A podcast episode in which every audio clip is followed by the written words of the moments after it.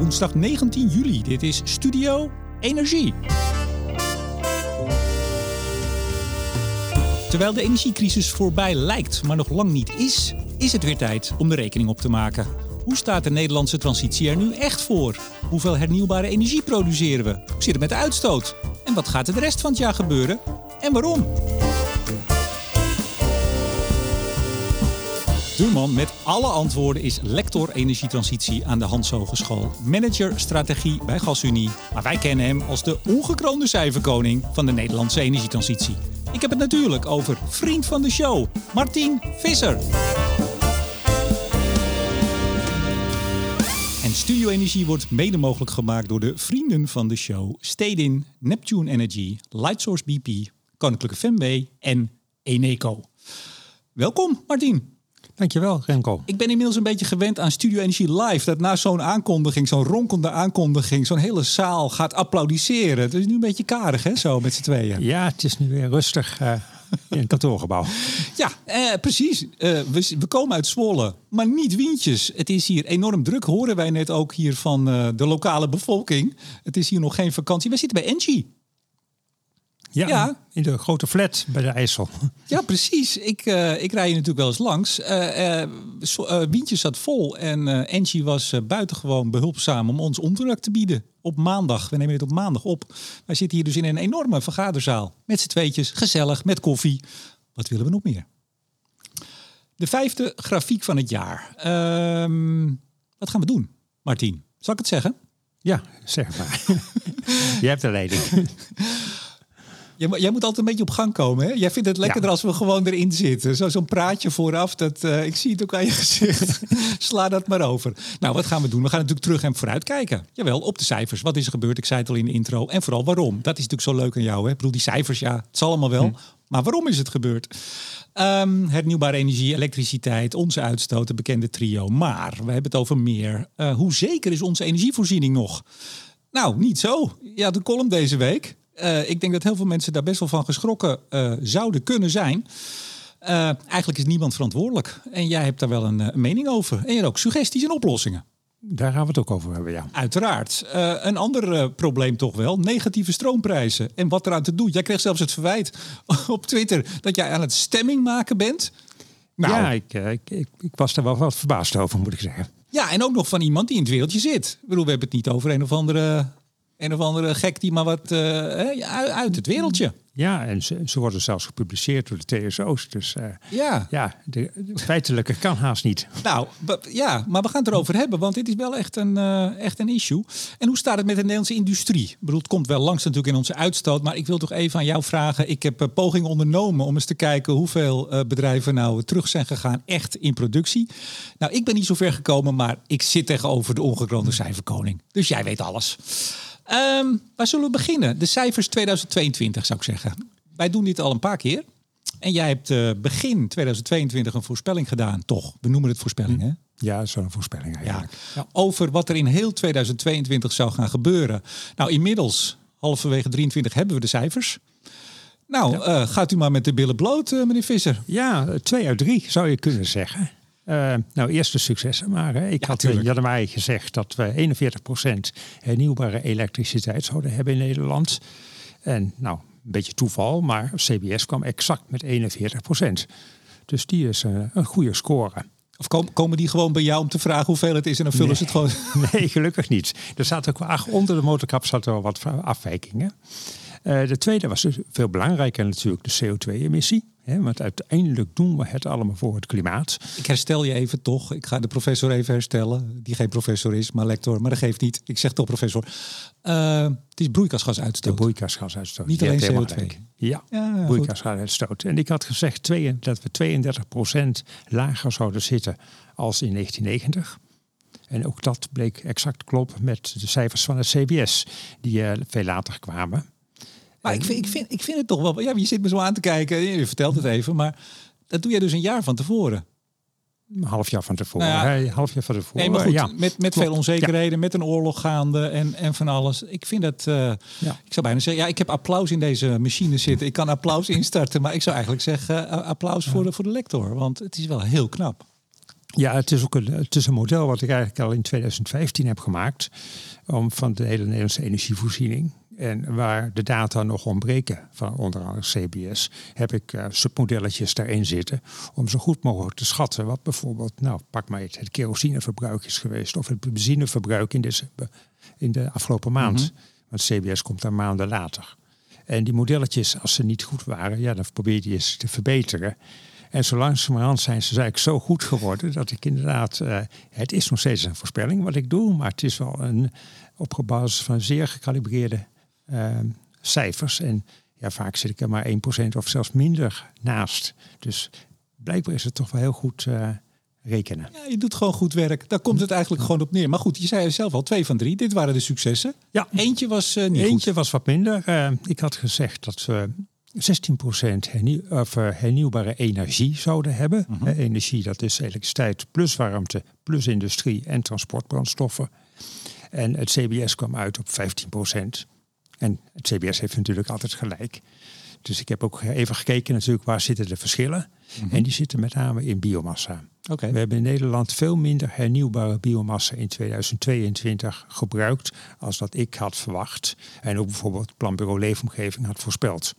Ja, en hoe, hoe komt dat? Er komt uh, ja, een aantal, aantal factoren die allemaal meespelen. Ik had gedacht dat uh, huishoudens veel meer hout zouden stoken. En dat is hernieuwbaar. Niet schoon, wel hernieuwbaar.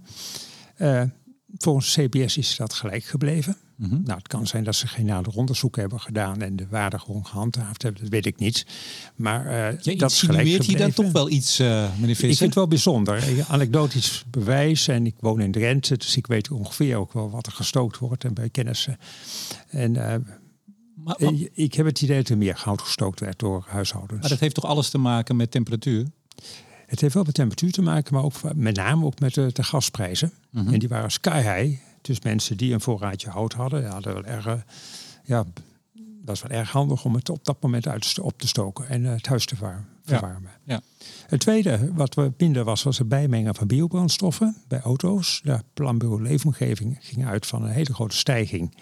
Die had ik braaf overgeschreven bij gebrek aan verdere kennis. En dat bleek dus niet waar te zijn.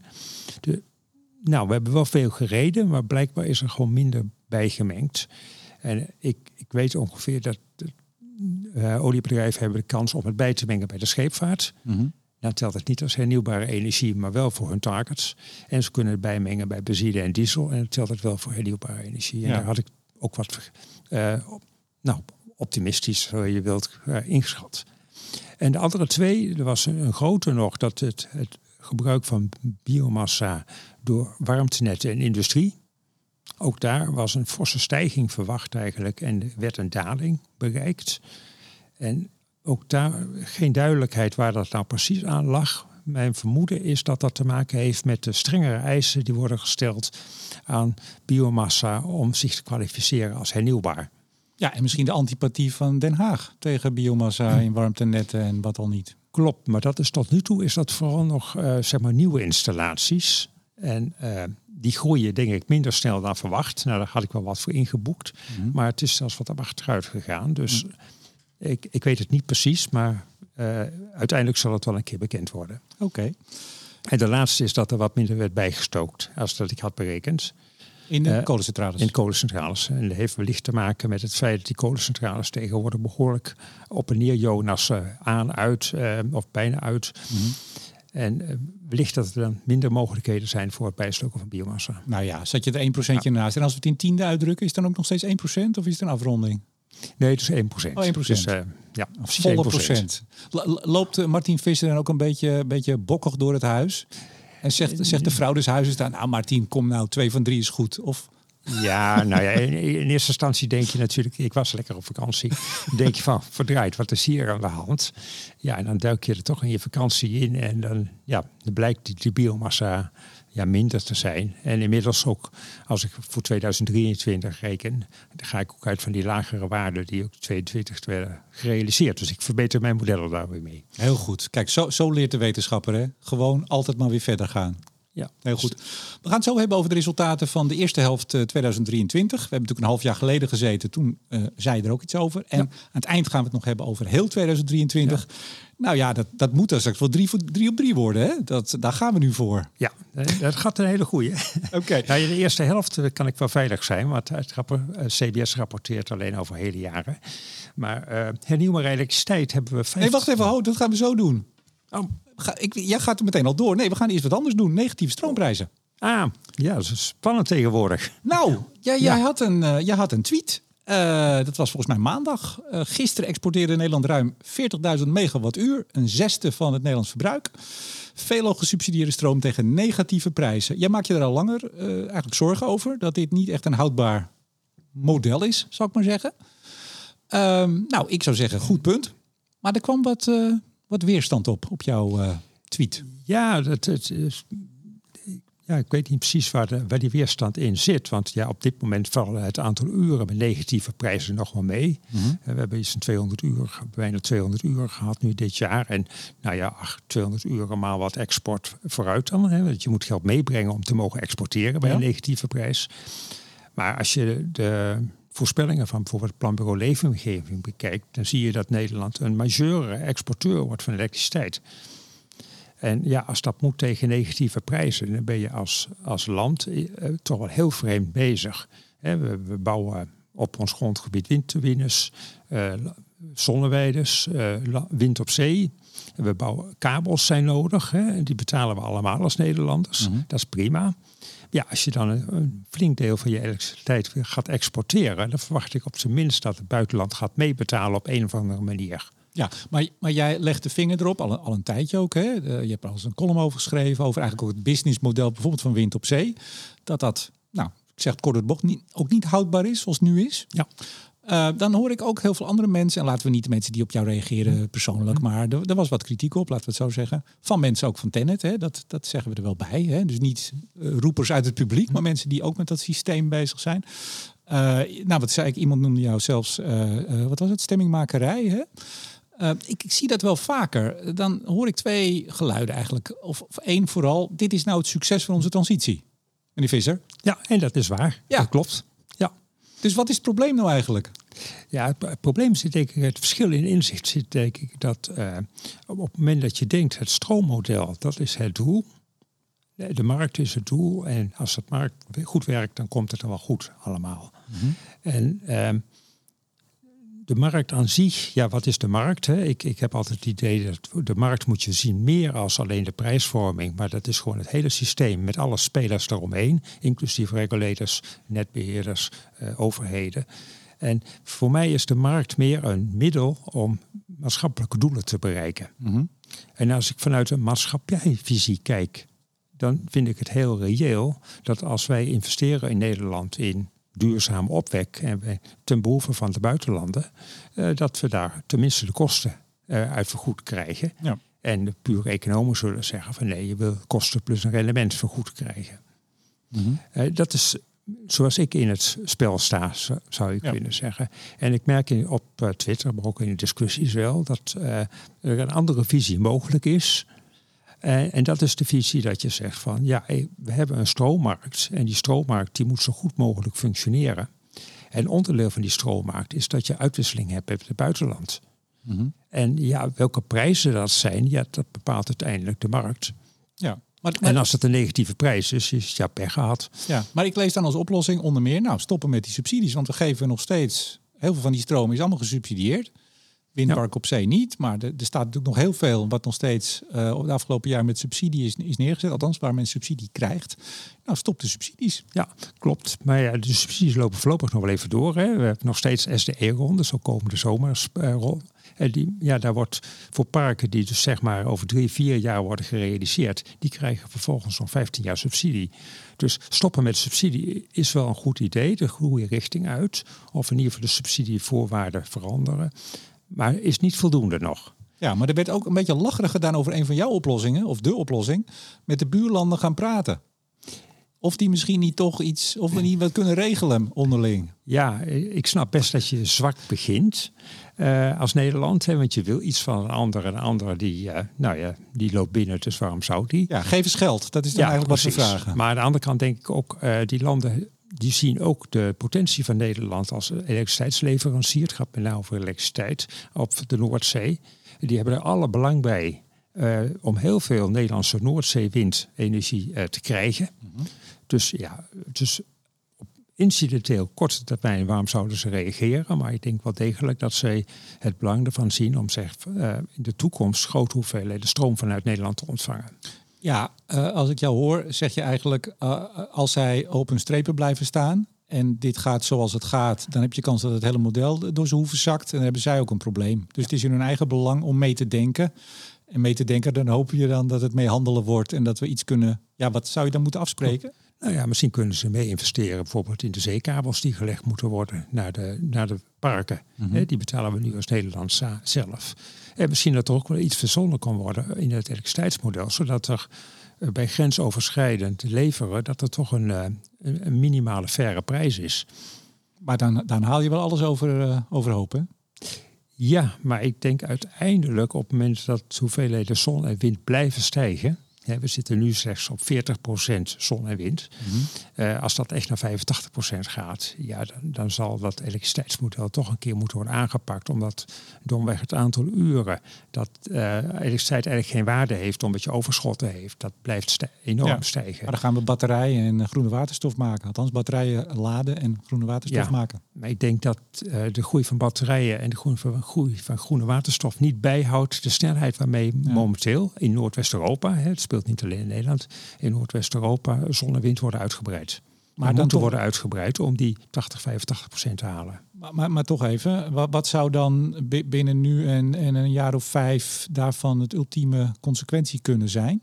Als dat model, zeg ik dan maar even in volksmond, door de hoeven zakt, wat gebeurt er dan? Uh, ja, wat je, wat je gaat doen, gaat gebeuren, is dat er steeds vaker negatieve prijzen dus gaan ontstaan, denk ik. Uh, dat de subsidies bij zon en wind weer omhoog gaan. Of er moeten weer subsidies komen om die investeringen te redden. En als die investeringen, de subsidies er niet komen, hè, we zeiden net al even, eigenlijk zou ze niet moeten zijn, dat het steeds moeilijker wordt om nog meer wind en zon te bouwen. Mm -hmm. Want uh, ja, we, hebben, we praten wel over stijging van de elektriciteitsvraag. Ja, als je vervolgens toch weer die 80, 85 procent zon en wind in je mix wil hebben, ja, dan zul je nog meer zon en wind moeten bouwen om dat te halen. Ja, en laat er nou net bij het eh, klimaatakkoord in 2019 zijn afgesproken dat we eigenlijk, wat was het, vanaf 2025 in ieder geval geen SDE meer voor zon en wind. Ja. Misschien een andere soort regeling, zoiets uh, ja, staat er. Europa die wil die contract for difference ja. als standaard. En ja, als prijs omlaag gaat, moet je dan toch weer subsidie bij betalen. Dus uh, ja, maar daar, zijn, daar is Nederland geloof ik tegen, hè? Want het zou uitsluitend ja. een contract for difference ja, zijn, Ja, precies. Ik, ik vind het ook een beetje, beetje raar dat Europa dat oplegt eigenlijk. En dat je niet zegt, nou, ieder land kan goed kijken van wat voor dat land het meest aantrekkelijk is. Maar het is niet definitief toch nog? Nee, maar het, het zit, zit er een beetje aan te komen, denk ja. ik. Nou, even een heel klein zijstapje tot slot en sluiten we dit af. Um, zien we hier een parallel met, uh, dat is jouw vak, het gas toen um, onder Rutte 2 met minister Kamp, toen, werd, hè, toen moest Groningen moest ook naar beneden. Dat was eigenlijk de tijd waarin dat, hm. die neergang is ingezet, het steeds verder dichtdraaien. Een van de argumenten van dat kabinet was toen van minister Kamp, ja, maar we hebben contracten met België, met Duitsland. En ja, daar kunnen we niet zomaar onderuit. Dat was ja. een van de argumenten dat het niet zo hard kon gaan. Het kabinet daarna, met, uh, met Wiebes, uh, Rutte 3, nou ja, daar kwam dus, we gaan hem dichtdraaien. En die ging met de Belgen en de Duitsers ja. in gesprek. En die gingen toen ook hun best doen om er sneller vanaf te komen. Kun, kunnen we daar iets hetzelfde zien wat je eigenlijk wil nu op de stroommarkt? Ze ja, hoefden het niet te doen, want ze hadden een contract. Dus ze konden ja. zeggen, nou je levert maar. Maar ja. ze gingen wel meewerken. kijk, uiteindelijk zijn we vrienden van elkaar. Het gaat uiteindelijk ook om, om fairheid. En we, zitten, we wonen naast elkaar, we zitten naast elkaar.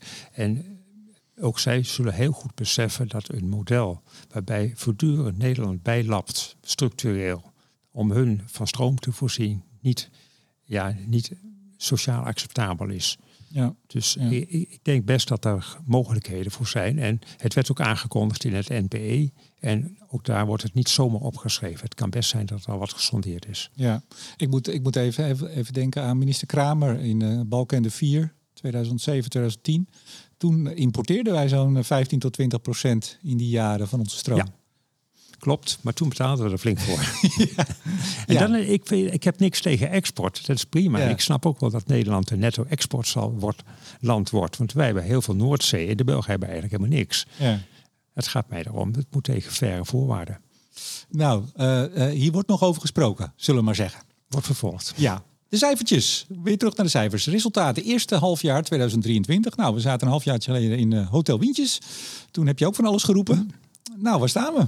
Ja, nou, elektriciteit, uh, hernieuwbare elektriciteit zijn we op, vijf, denk op 50% gekomen. Exact 50% kwam ik uit op basis van de gegevens van energieopwek en de voorlopige CBS-cijfers van tot en met april van de stroomvraag. Mm en uh, dat is een geweldige sprong, hè? 41% vorig jaar, 50% vorig jaar. En je riep net even 85, dat is in 2030. Dat is 2030, dat duurt nog eventjes, ja. Ja, maar dan zou je kunnen zeggen, als, je, als we zo'n sprong hebben gemaakt nu, dan wordt het nog zeven jaar en dat is dan nog maar 35 procentpunten bij. Ja, zeker. Het wordt wel steeds lastiger. Ja. Uh, uh, 50 procent komt het, uh, aan de positieve kant, uh, de productiekant, is dat dankzij de enorme groei van zon, PV, en wind, wind op land en wind op zee. Want de parken beginnen nu uh, te produceren. Ja. Uh, wat ook heeft geholpen is dat de stroomvraag dit jaar een stuk lager is als uh, voorgaande jaren. En ja, als je dezelfde hoeveelheid zon en wind produceert met minder stroomvraag, dan stijgt je percentage. Ja. Dus 50 procent. Heel goed. Dus uh, nou, mooi. Voor het eerst heb jij de helft. Dus het schiet op. Ja, nou de helft in zich. Dat is altijd mooi. En dan, dan nog de tweede helft. De broeikasgasreductie. Waar staan we? Ja, ongeveer 5% minder dan vorig jaar produceren we aan broeikasgassen. 5% of 5% punt? 5% uh, relatief. Relatief, oké. Relatief. Ja. Dus, en, uh, dus elke, elke maand produceren we minder uh, broeikasgassen, of met name CO2, want dat kan ik vaststellen, mm. dan het jaar, dezelfde maand het jaar daarvoor. En wat is de belangrijkste driver? ja, de belangrijkste driver is tweeledig, denk ik. Enerzijds is de warme winter. En anderzijds, uh, ja, wat ik dan maar even energiearmoede noem. Uh, burgers en bedrijven die domweg de energierekening niet kunnen betalen en op een gegeven moment dan besluiten om ofwel hun thermostaat vergaan terug te draaien, ofwel de productie te verminderen of te staken. Ja. vind jij nou ook dat daar zo weinig aandacht voor is? Er is, heel een beetje een open, ja. openleidende vraag. Ja, nee, dat is, er is heel weinig aandacht voor. Hè. TNO heeft berekend dat het er een miljoen huishoudens zijn. Een miljoen. Ja, op, de, op de 7, 8 miljoen huishoudens. En, uh, ik, ik, ik denk dat iedere Nederlander ook wel de voorbeelden in zijn buurt kent. Ja. En er is heel erg weinig aandacht voor. Ja. En ja. denk eraan, die miljoen, dat is inclusief de prijscap. Kun je nagaan wat er zou zijn gebeurd zonder prijscap. Ja. Nou, we gaan het zo nog even apart hebben over de industrie. Want, uh, nou ja, ik wil niet zeggen moet geen stemming maken. Die is niet op sterven naar dood. Maar het, het, gaat er ook niet uh, florissant mee. Zeker niet in de chemie bij de, de grote jongens. Maar daar komen we zo nog even apart op. Um, hernieuwbare energie. Waar staan we daar? Eerste half jaar. Ja, dat gaat heel goed. Uh, ook dankzij de, de, de, warme winter hebben we natuurlijk minder energie gebruikt. Helpt daarmee. En verder ook daar speelt natuurlijk met name de groei van zon en wind. Mm -hmm die daar ook al speelt. Dus ik, ik kwam op ruim 17% uit dat we hernieuwbare energie hebben geproduceerd uh, in de eerste helft van het jaar. Of eigenlijk geconsumeerd. Ja, 17,3 zelfs. Ja. Kijk eens aan, dat ja, is alweer bijna 17,5. ruim 17 procent. Maar goed, ja. toch even, en daar hebben we het vaker over gehad. Het energieakkoord gesloten in 2013 uh, dat ging voor 14% dat moesten we wel van Brussel, ja. in 2020. 16% eind 2023. Nou, het is nog geen twee, eind 2023. En we zijn daar nou, ruim overeen, zeg ik. Ja, we gaan dat echt makkelijk halen. En dus opnieuw dus een taak die Nederland haalt. Dit is voor de goede verstaander. Wij hebben zo, ja. ja jij zeker, maar wij, ik doe ook nog wel eens wat. Uh, iedereen die maar roept, we halen nooit wat slechts jongetje van de klas, is niet waar. Dit is er ook weer een voorbeeld van het wel halen. Uh, nou ja, veel wind op zee, hè, vooral. Ja. Dat, dat doet het er met name. Ja. ja. Um, zullen we anders toch meteen maar even die industrie erbij pakken? Dit vind ik toch wel, die, die pakken we nu gewoon even. Uh, energiearmoede, nou, uh, burgers, uh, dramatisch. 1 miljoen huishoudens die, ja, die definitie is hoeveel procent van je inkomen, geloof ik, hè?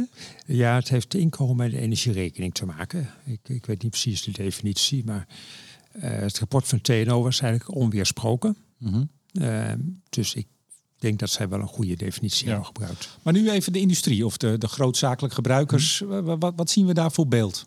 Ja, ik heb Ja, eigenlijk het beeld, tenminste ik heb wel eens het idee dat net zoals burgers die het vaak verdwijnen, uh, ja, geheim houden dat ze in moeilijkheden zijn, dat industrieën dat ook doen.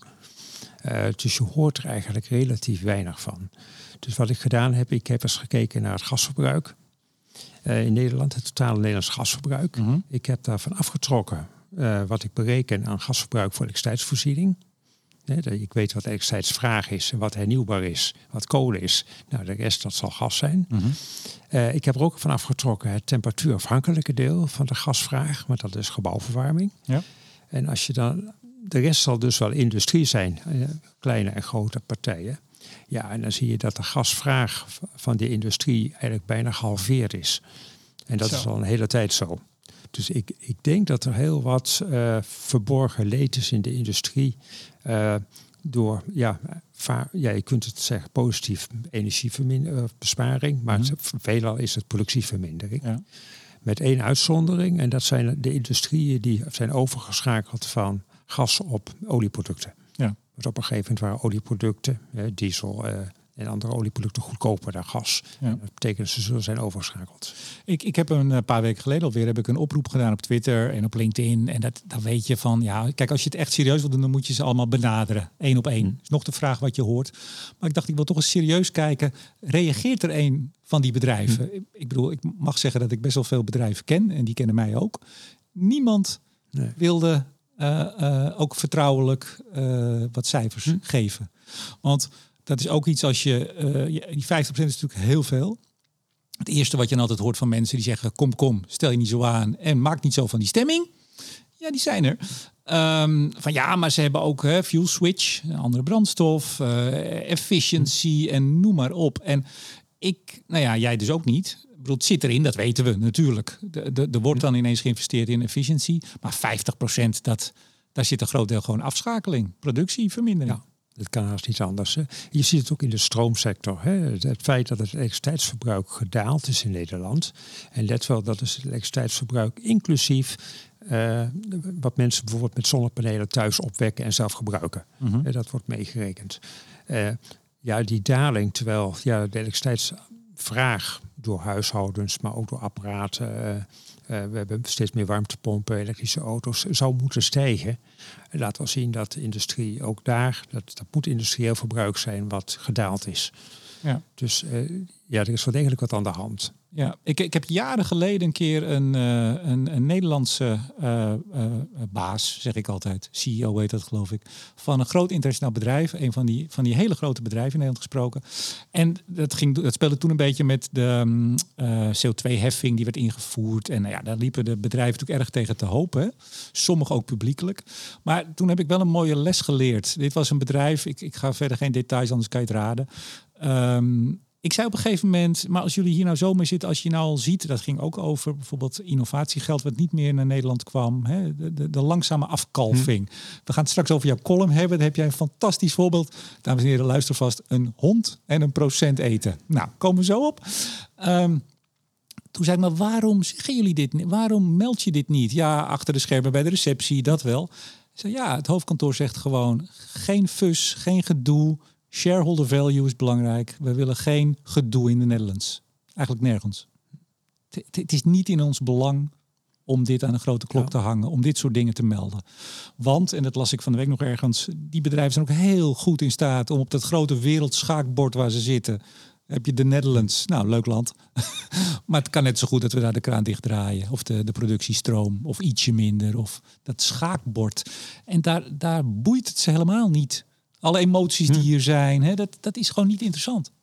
En het hangt je niet aan de grote klok. Nee, men zal de afweging maken van ja, wat is de kans dat ik er wat mee win? En wat ja. is het, het risico dat ik er wat mee verlies? Precies. En blijkbaar is die balans uh, voor bijna alle bedrijven uh, ja, zodanig om, nou, laat ik mijn mond maar houden. Ja, want we, we krijgen straks over leveringszekerheid.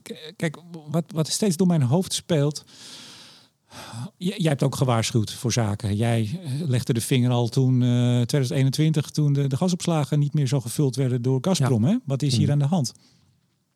Je ziet bij dit soort ontwikkelingen dat mensen die dan wel waarschuwen, die worden meestal snel weggezet als, nou ja, Uh, doe niet zo ingewikkeld. Uh, doemdenken, niet van de transitie zijn. Hè? Voor je het weet, als je iets zegt, dat, dan maak, krijg jij ook al mee te maken.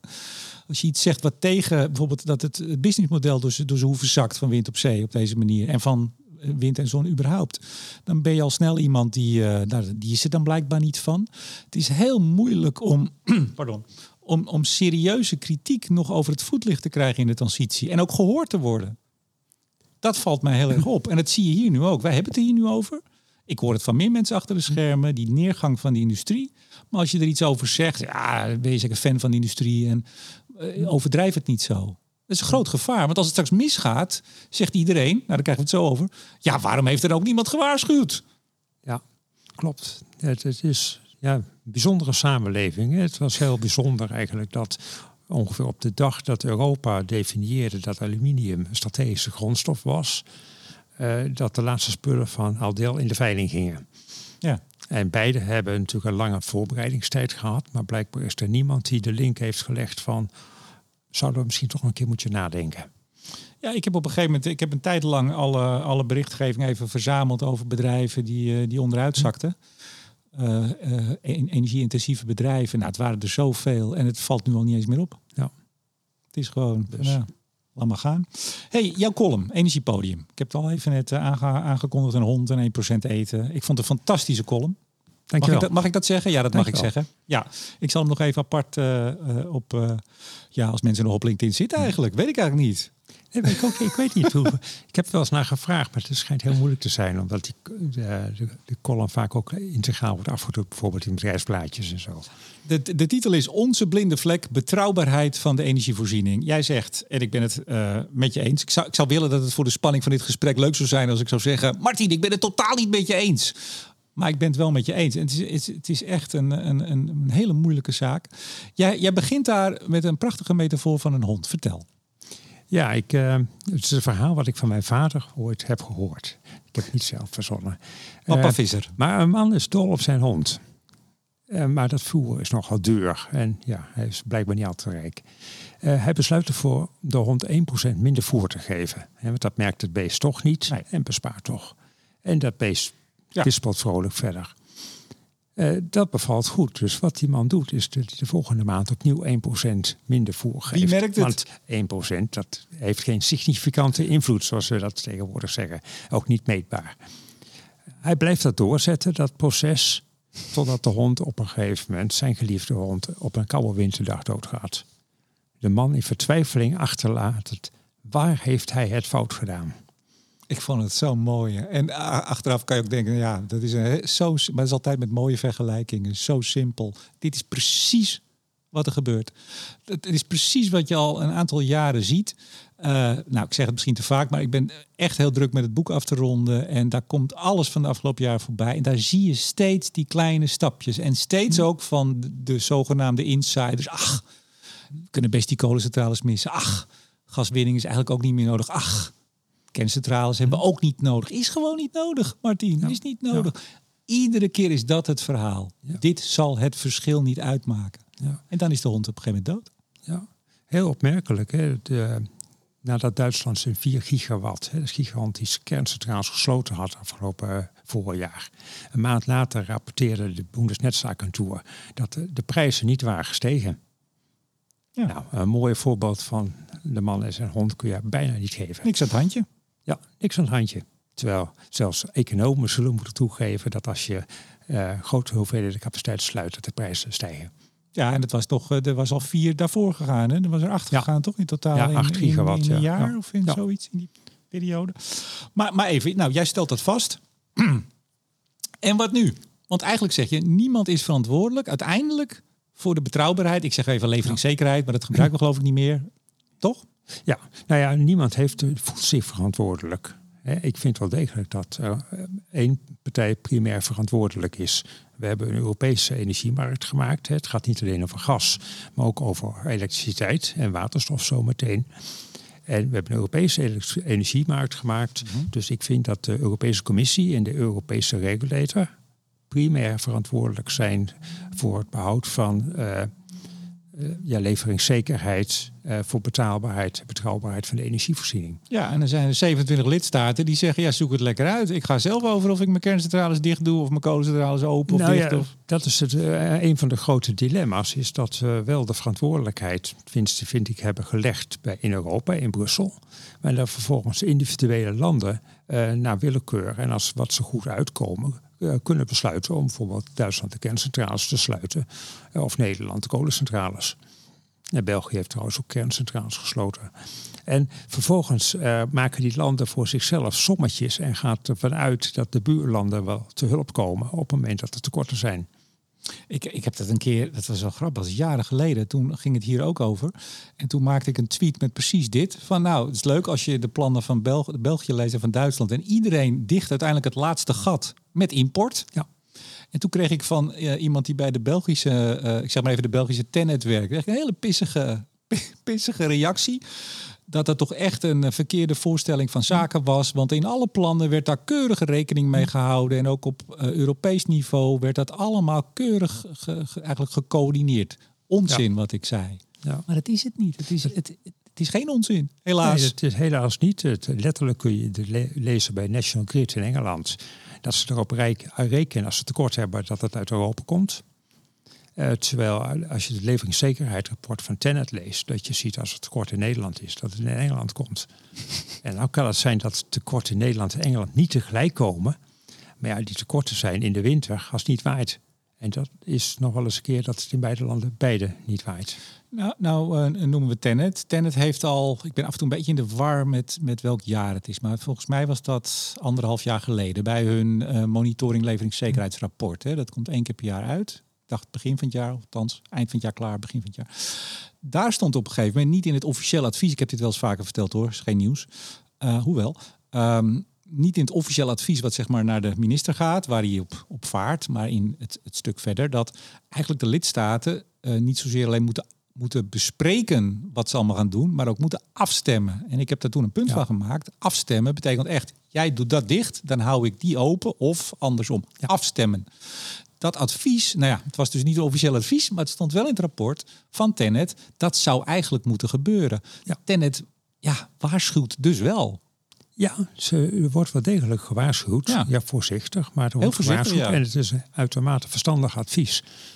Maar er is niks mee gedaan. Nee, maar kan ook niet. Ik bedoel, als je ziet wat een, wat een ellende het in België was met de kerncentrales en, ja. en uh, spanningen in het kabinet. Hier, kolencentrales, moet je zien als wij ja. zouden besluiten dat de kolencentrales langer open moeten blijven. En als in, België of in Duitsland de kerncentrales niet dicht hadden gemogen. Ze hebben intern al enorme problemen in de coalitie zelfs in Duitsland. Gaat nooit gebeuren. Nee, nou ja, ik, ik heb in mijn column een voorstel gemaakt, uh, gedaan om een soort IEA te maken.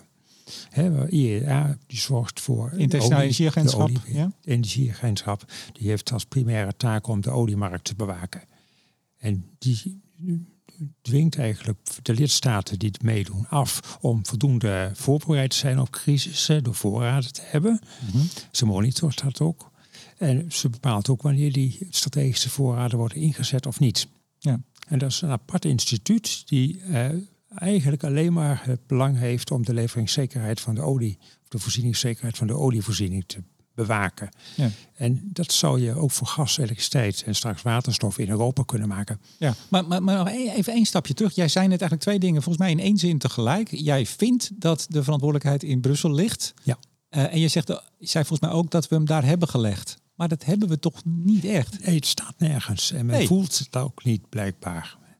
Brussel, als je kijkt, die zijn vooral bezig met de interne markt en niet met leveringszekerheid. En dat zijn twee verschillende dingen, zoals we tot onze scha schande hebben moeten ervaren bij aardgas. He, want de interne markt voor aardgas functioneerde prima.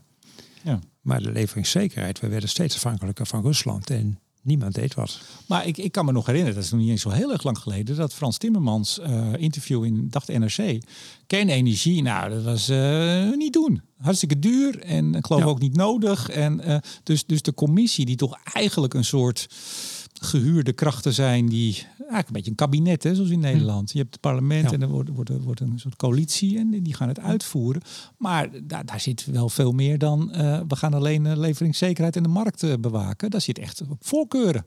voor- en afkeuren in de commissie. Van wat we wel en niet zouden moeten doen. Ja, en men hoeft zich ook geen rekenschap te geven. Hè. Eigenlijk zou nu de lidstaten naar de commissie moeten gaan van goh, hoe hebben jullie dat zo kunnen laten gebeuren met de gasmarkt? Waar zijn de fouten gemaakt? En nog belangrijker, welke lessen kunnen we daarvan leren? Maar tot nu toe heb ik nog geen rapporten gezien uit Europa waarin geanalyseerd werd hoe dit heeft kunnen gebeuren.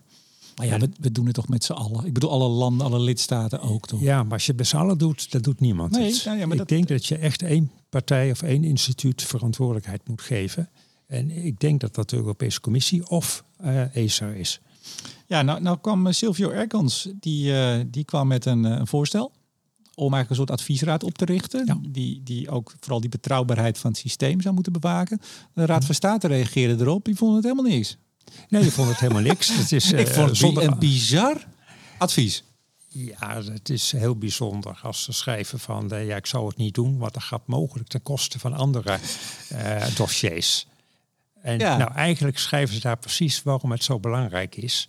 Want blijkbaar gaan die andere dossiers mogelijk en wel zeker ten koste van de leveringszekerheid. Ja, precies. En uh, hoe, dat je praat over hoe je dat precies moet inrichten en over verantwoordelijkheden en dat soort zaken, prima. Maar je, je kunt niet zo'n heel initiatief, vind ik, uh, op zo'n manier terzijde schuiven. Nee, want uh, het is een wetsvoorstel. Hè? Daarom gaat het bij de Raad van State langs.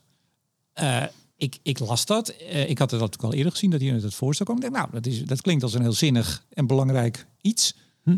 Ja. En dan, dan het Raad van State advies, al even geleden hoor. Een paar weken, ja. maanden geleden. Ik ben de tijd af en toe kwijt. Ja, jij bent een paar weken weg geweest. Jij bent de tijd natuurlijk helemaal kwijt. um, Ja, van nou, doe maar niet. Want het zou wel eens effect kunnen hebben. Ja, precies. Ja, natuurlijk heeft het effect. Dat is ook het idee. Ja, precies. Ja.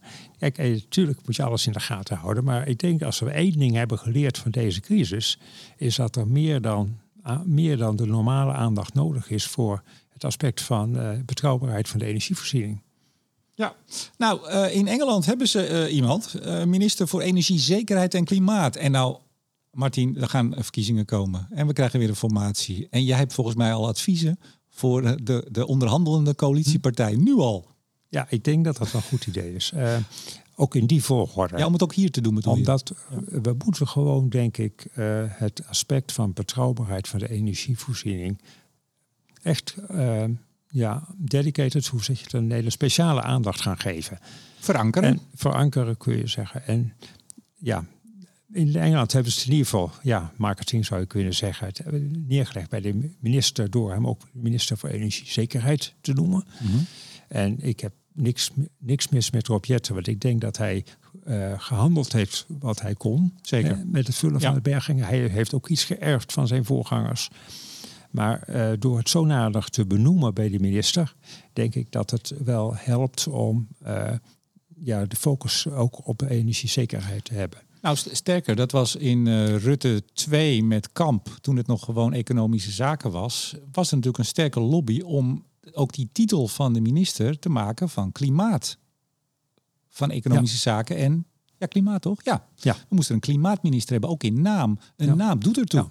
Ja, op het moment dat je iets in een naam stopt, wordt het belangrijker. Ja, ja zeker. Ja, klopt. Maar dat laat onverlet dat wat mij betreft ook de energiewet, die ligt er nu in concept daar zou echt een keer heel grondig doorheen gelezen moeten worden van jongens, hoe gaan we dat leveringszekerheid, betrouwbaarheid nu echt verankeren? Ja. En verkijk je er niet op. Hè? Ja, statistiek kun je van alles mee doen. Maar in de economist werd berekend dat er dus afgelopen winter meer mensen zijn overleden door uh, energiearmoede dan door COVID. Ja, 68.000. 68.000, een gigantisch getal. Ja, maar ik, ik zet er altijd, ik heb het zelf ook wel eens gebracht in de podcast, uh, kleine nuance. Het is altijd heel lastig. Hè? Het is een statistiek, is... statistiek is het, hè? van anders is het niet te verklaren dan door. Dat is een uitgebreid onderzoek. Ik heb er uitgebreid naar uh, geluisterd en gelezen. Uh, er zijn veel mensen extra of eerder doodgegaan. Ja, precies. en, dat is een, en ook daar is geen aandacht voor in Nederland. Nee, en dat is ook degelijk uh, gebeurd. Ook waarschijnlijk ook wel in Nederland. Want ook daar hebben mensen hun verwarming uitgezet en in vochtige huizen gewoond. Ja, maar ik vond het ook echt frappant dat uh, Frans Timmermans... We hebben nu een, een soort nationale dag, hè, 15 juli, voor de klimaatslachtoffers. Uh, dat is de datum van de overstroming hmm. in, uh, wat was het in België, Limburg, okay. Duitsland vooral ook. Dat is een drama. Uh, maar hij had, hij, hij, hij condoleerde geloof ik de nabestaanden van die mevrouw die in Haarlem was omgekomen door die boom die op de auto viel. Die, die, die, die, die zomerstorm, wat was het? Drie weken geleden? Daar is hij erg voor op, heeft hij op zijn op gekregen van uh, weerdeskundigen die ook van het klimaat zijn, zeg ik maar even. Ja, nee, dit kan je echt niet doen. Daar uh, vraagt de eurocommissaris Timmermans aandacht voor, omdat er iemand bij een zomerstorm voor die familie tragedie natuurlijk is omgekomen. Maar ik heb nog niets gehoord over die 68.000 mensen van de winter door de hoge energieprijs. Ja. Nee. Dus, eh, ehm, maar wat, wat ik het meest schokkend vind toch, en ik wist het wel, maar als ik het dan weer in zo'n buitengewoon puntgave column van jou lees, leest allen, er staat gewoon, eh, niemand is verantwoordelijk in Nederland voordat we genoeg energie hebben. Ja. En die nieuwe wet gaat het ook niet doen. Nee, dus nou, een oproep aan de Tweede Kamer om die wet toch wat aan te passen. En misschien dat de nieuwe minister voor EZ. Wat zeg je dat weer keurig. We gaan afsluiten met de voorspelling voor heel 2023 dat kan iedereen het vast gewoon in, uh, in steen houden, want dat is waar. Als jij het zegt, is het nou, Bijna altijd. Er zijn toch wel wat, uh, wat, wat onzekerheden. Maar je, je, kunt wel ongeveer een redelijke schatting maken. Want ja, kijk, wat nog gaat produceren in 2023, dat staat er min of meer al. dus aan, aan, zon en wind en aan biomassa en al die andere bronnen. Dus je kunt er aardig... Uh, een aardige slag slaan. Maar ja, of het hard of meer of minder waait, weet ik niet. En of we meer of minder energie gaan gebruiken, afhankelijk van de temperatuur. Of van misschien toch weer een opleving van de industrie. Dat weet ik ook niet. Elektriciteit, hernieuwbaar. Elektriciteit. Ik, uh, je ziet altijd dat het tweede jaar, helft van het jaar minder is qua percentage dan de eerste helft. Maar dit jaar komen de enorme parken op de Noordzee gereed. de Hollandse kust Ze draaien al een aantal van de mhm. windmolens, produceren al. Ja. Dus ik denk dat we op die 50% gaan komen, tweede helft van het jaar. 50% hernieuwbare energie. Nee, elektriciteit. Elektriciteit, sorry. Oh, doe ik het een keer verkeerd. Ja, elektriciteit. 50% hernieuwbare elektriciteit. Ik let op, ik let op. Had jij nog niet een kennis die langs zo'n windpark was gevaren? Was jij daar nog niet, die dat twitterde? Of was het iemand anders? Ja, een collega van mij. Die oh, had een bootje en uh, die uh, moest naar, uh, van Den Helder naar Engeland brengen. En dat deed hij als, als hobby. En die kwam langs een van die windparken uh, van Shell, uh, het crosswind uh, Shell Eneco. En tot zijn verbazing draaiden er al, geloof ik, elf molens. Dus dat is ja, trouwens een geweldige prestatie. Hè? Dat ze zo snel dat park hebben gebouwd. Want Hollands Kust Zuid, dat is nog steeds niet helemaal operationeel. Er wordt er hard mm. aan gewerkt. Ja, is dat zo? Ja, dat, dat, grappig, want ik zag jou, jouw tweetje van die collega was het inderdaad. Uh, het is altijd een beetje vaag wat er nou wel draait. Want er komen af en toe van die persberichten door het consortium. En dat is, meest, dat is altijd juichen natuurlijk. En we, dit en dat. Maar hoeveel het dan draait of niet. En nou, wat, wat problemen met die, die Siemens Gamesa turbines. Hè, daar hebben we ook aandacht aan besteed. Nou, in ieder geval, het, het gaat goed. Het gaat goed. Ze hebben blijkbaar door hoe ze die molens uh, aan de praat krijgen. Dus uh, dat, gaat lukken dit jaar. Maar dat betekent dat er dus twee parken bij gaan komen dit najaar. Die zullen nog niet volledig produceren. Dus vandaar mijn eh, voorspelling is dat we op 50% gaan komen. Precies, dus wat minder, maar wat meer. En dus de 50% van het eerste halfjaar wordt doorgezet. Nou, 50% die, die zetten we erin. hernieuwbare energie, waar komen we uit? Binnen 17% is mijn schatting. Oké, dus we zakken iets terug dat zakt niet terug. Ook het hernieuwbare energie zakt altijd wat terug het tweede helft van het jaar. Mhm. En ja, dat heeft te maken ook met dezelfde, oorzaak. Hè. De windparken, die uh, uh, wind op land gaat gewoon door, zon gaat gewoon door. Maar wind op zee, daar komt een enorme sprong dit jaar. Oh ja, je hebt 17,3 voor het eerste half jaar. Maar jij vergeet voor jezelf natuurlijk die 0,3. Ja, we moeten geen... Uh, blijf wetenschapper. Hè? Een beetje nauwkeurigheid moet je wel. Uh, maar geen pseudo-nauwkeurigheid. Liever niet. 17 procent. Nou ja, wat ik zeg, de 16 procent was de bedoeling uh, in 2013. Dan zijn we tien jaar later. Hm. Is toch wel knap hoor. Is wel knap. En tevens laat het ook zien de doorlooptijden van uh, projecten en van wetgeving. Hè? 2013 hebben we besloten. En uiteindelijk, als je er hard aan werkt, kom je er ongeveer op. En misschien dat we precies op de 16% waren gekomen als uh, de industrie wel normaal had gedraaid. Precies, ja, want dat, dat zit er natuurlijk ook nog bij inderdaad. Nou, dan de broeikasgasreductie. We, hadden, we hadden ooit een, of ooit, ja, ooit, een urgenda-vonnis. Uh, 25% reductie in ja. 2020. Ja. Ik heb wel eens gezegd, dat heb ik ook vaak herhaald, dat gaan we nooit halen, dacht ik. Hm. Want daarvoor, dat, dat staat echt niet in de buurt. Dat was echt een gat van heb ik jou daar. Ja. Waar komen we dit jaar op uit? Ja, we komen dit jaar uit op 34% lager 34% lager dan uh, eh, 1990. Terwijl ja, die 5, er was nog lange tijd sprake van, ook uh, door de overheid, dat we, ja, we hebben nu 2020 inderdaad terecht met mazzel gehaald. Uh, of met toeval gehaald vanwege COVID. Mm -hmm. Dus maar of we de jaren erop dat gaan halen, is heel onduidelijk. Maar zie, ja. ja, we hebben inderdaad nu weer een nieuwe crisis, maar 34% lager CO2 dan 1990 is toch wel heel veel meer dan die 25% die in de agendafolder stond. Ja, we hebben geen industrie meer over, maar we hebben wel, wel 34%. nee mensen, ja. dit is een overdrijving wat ik zeg. Nee, maar ik, zou, ik ben wel echt heel benieuwd, even serieus. Uh, welk percentage daarvan? Want het zijn echt de grote jongens. Hè? Het is de chemie, ja. 50% minder gasgebruik. Schat jij ja. in? Hè? in die, dat, dat heeft enorm effect. Ja. Ik heb geprobeerd uh, te corrigeren voor zowel energiearmoede als voor, zeg maar, voor de hoge energieprijzen als voor de industrie.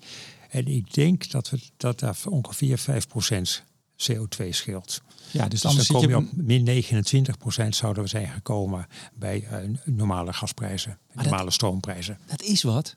5 procentpunt van de 34. Ja, dat laat ook wel de, de enorme impact zien. Het is niet alleen gas, ook stroom, wat veel minder wordt gebruikt, waardoor de kolencentrales veel minder nodig zijn. Kolencentrales staan gewoon uit hè, van de zomer, terwijl ze mogen draaien. Mm -hmm.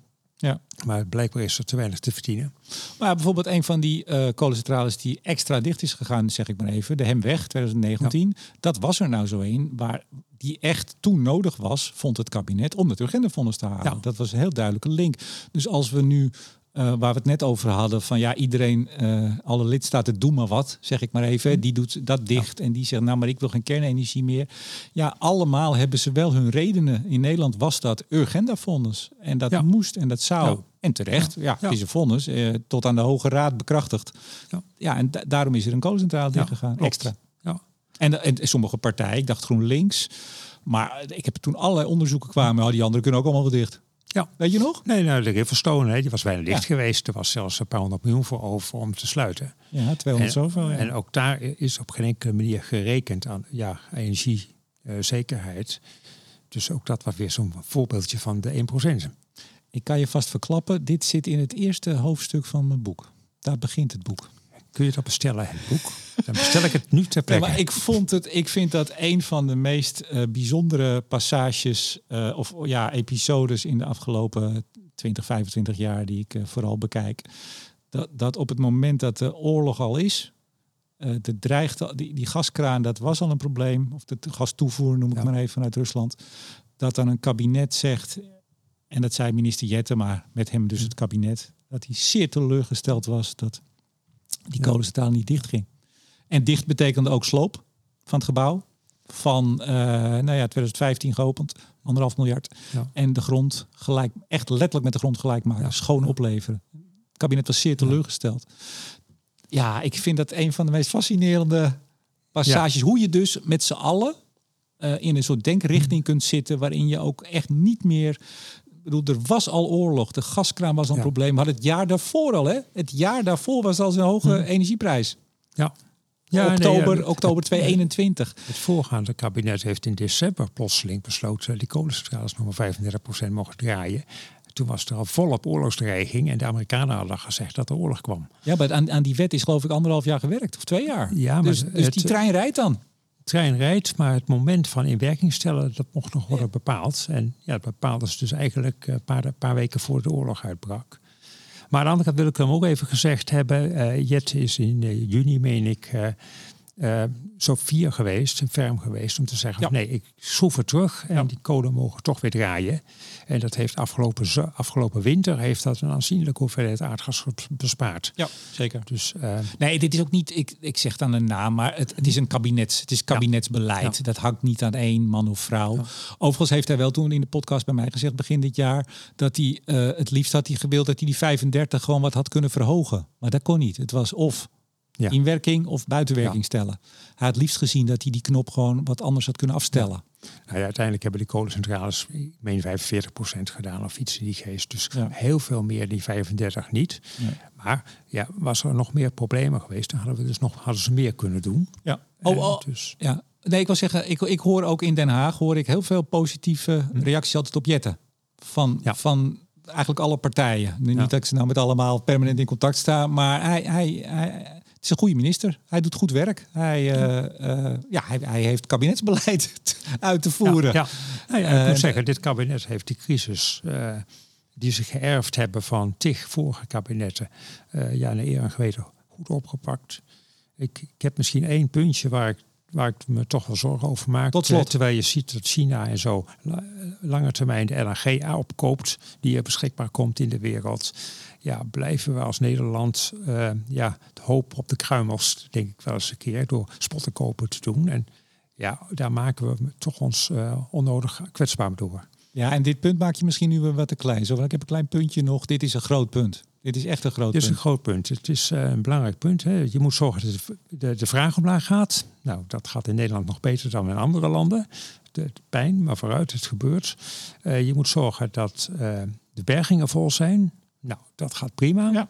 En het derde is, je moet zorgen dat je importpositie op orde is. En dat laatste is nog steeds niet het geval. Ja, ik vroeg het uh, Tweede Kamerlid D66 Raoul Bouke in Studio Energie Live onlangs. Luister anders even terug. Het was een leuk gesprek uh, met, met alle gasten. Daar vraag ik het hem een paar keer expliciet. Is D66 voor lange termijn contracten LNG? Nou, daar geeft hij geen antwoord op. Ja. In de zin van dat hij dat dus in het midden laat. Nee, ja. Terwijl je, Nee. je zou daar echt voor moeten zijn. Al verkoop je het maar weer door. Bedoel, Nou ja, dat is dus het punt. Hè. Je hebt dan, wat doen de Chinezen ook? Die kopen lange termijn LNG. En op het moment dat, er, uh, dat ze het niet nodig hebben of dat ze voldoende winst kunnen maken, verkopen ze door naar aan Europa. Ja.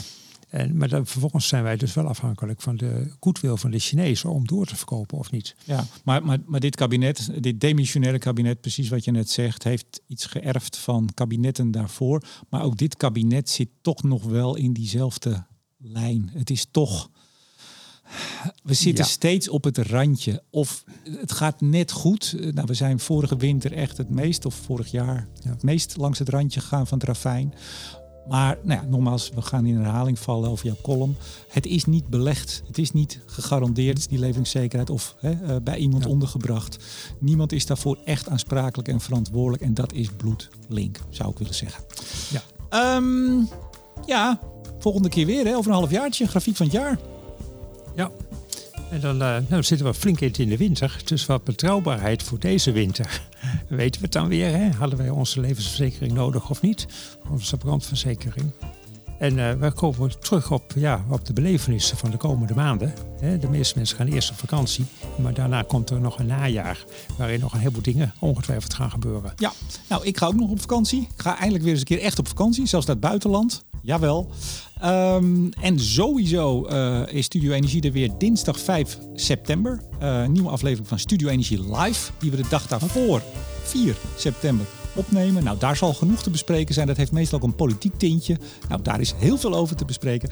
En wellicht dat we eerder ook alweer terugkomen, afhankelijk van groot nieuws of niet. En wel en zo. Maar in ieder geval, dan is Studio Energie er sowieso weer.